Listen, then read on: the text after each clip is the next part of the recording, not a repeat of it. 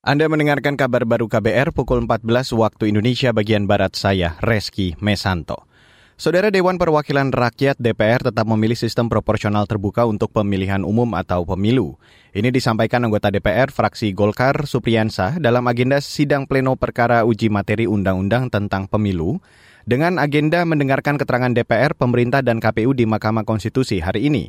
Alasannya kata dia, masyarakat luas cenderung lebih memilih sistem proporsional terbuka ketimbang tertutup. Sistem pemilu proporsional tertutup merupakan kemunduran bagi demokrasi kita. Di lain pihak, sistem pemilu proporsional terbuka merupakan perwujudan dari demokrasi yang berdasarkan kedaulatan rakyat, di mana dapat menentukan calon anggota legislatif yang dicalonkan partai politik. Kami tidak ingin demokrasi ini mundur. Anggota fraksi Golkar, Supriyansa menambahkan DPR bersama pemerintah dan penyelenggara pemilu berkomitmen menyelenggarakan pemilu 2024 berdasarkan dengan sistem pemilu proporsional terbuka. Namun, pandangan ini tidak mewakili fraksi PDIP karena sejak awal setuju dengan sistem proporsional tertutup atau coblos lambang partai.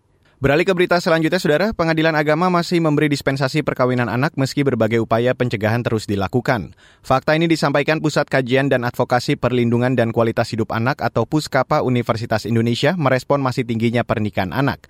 Berikut penjelasan peneliti Puskapa Andrea Adi kami melakukan uh, salah satunya tuh analisis dari hasil putusan. Jadi mungkin kami mengambil putusan dari website MA Badilak. Uh, jadi kami coba uh, cuplik secara cepat, memang tidak secara semuanya. Jadi sekitar total 225 putusan kami coba download dan kami analisis begitu. Yang kami temukan uh, 34 persen atau sepertiga dari putusan itu sepertiganya adalah karena alasan anak hamil.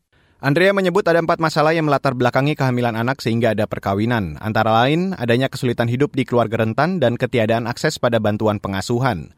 Dari hasil kajian ini, pemerintah dinilai perlu memperkuat akses anak-anak pada layanan dasar dan perawatan sosial serta kapasitas penyedia layanan.